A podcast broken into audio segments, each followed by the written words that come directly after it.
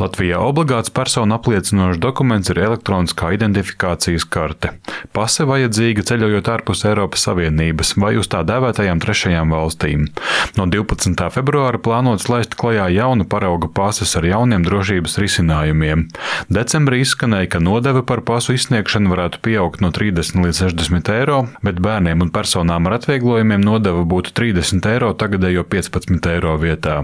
Apvienotā saraksta deputāti pieprasījumā iekšlietu ministram Rihardam Kozlovskim no jaunās vienotības pauda, ka tas būtu nesamērīgi un prasīja skaidrot, kā radies tik būtisks nodevas palielinājums.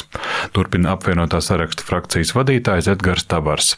Ņemot vērā arī mūsu ekonomikas, gan inflācijas, gan straujo cenu kāpumu, protams, nu, virsmērķis ir tas, lai galu galā šādas nodevas apmērs šādos straujos tempos noteikti netiktu veicināts. Pilsonības un migrācijas lietu pārvalde iekšlietu ministra uzdevumā pašlaik pārreķina personas dokumentu izsniegšanas nodevas izmaiņas.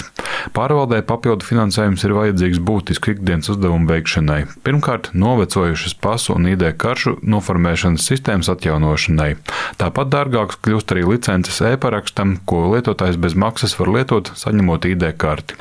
Papildu finansējumu tam cer rast gan nākamā gada valsts budžetā, gan arī iespējās apgūt Eiropas Savienības fondu līdzekļus. Taču daļu naudas novirzīt arī no lielākas nodevas par personas dokumentiem, skaidro Kozlovskis. Mums ir jānodrošina bezmaksas paraksts ID kartēm. Tas ir jāmaksā PMLP. Attiecīgi, līdzīgi arī, kā es teicu, ja šī persona apliecinoša dokumentu sistēma nobruks, tad vispār nebūs ne pasu, ne ID karšu. Tas arī maksā, to arī pavēlt nedot. Un tas ir tas jautājums, pie kura mēs strādājam. Gūstot skaidrību par šo rīku finansējumu iespējām, varēs arī noteikt, cik strauji būs jāceļ nodeva par personas dokumentu sagatavošanu. Plašu rezonanci guvušo pases nodevas dubultošanu nepieļaušot, taču vienlaikus pašlaik Latvijā izmaksas par personas dokumentu sagatavošanu ir zemākās Baltijas valstīs, piebilst iekšlietu ministrs. Es ļoti labi apzinos, ko nozīmē nu, šis uh, dubultais palielinājums, kas izskanēja, bet tāpēc vēlreiz es gribu pateikt, pašlaik tam nu, tādu juridisku segumu nav. Mēs pie tā strādājam. Vēl mums ir personas, kuras saņem atvieglojumu. Līdz ar to skaidrs, ka par šīm personām maksā kaut tās personas, kuras nesaņem atvieglojumu.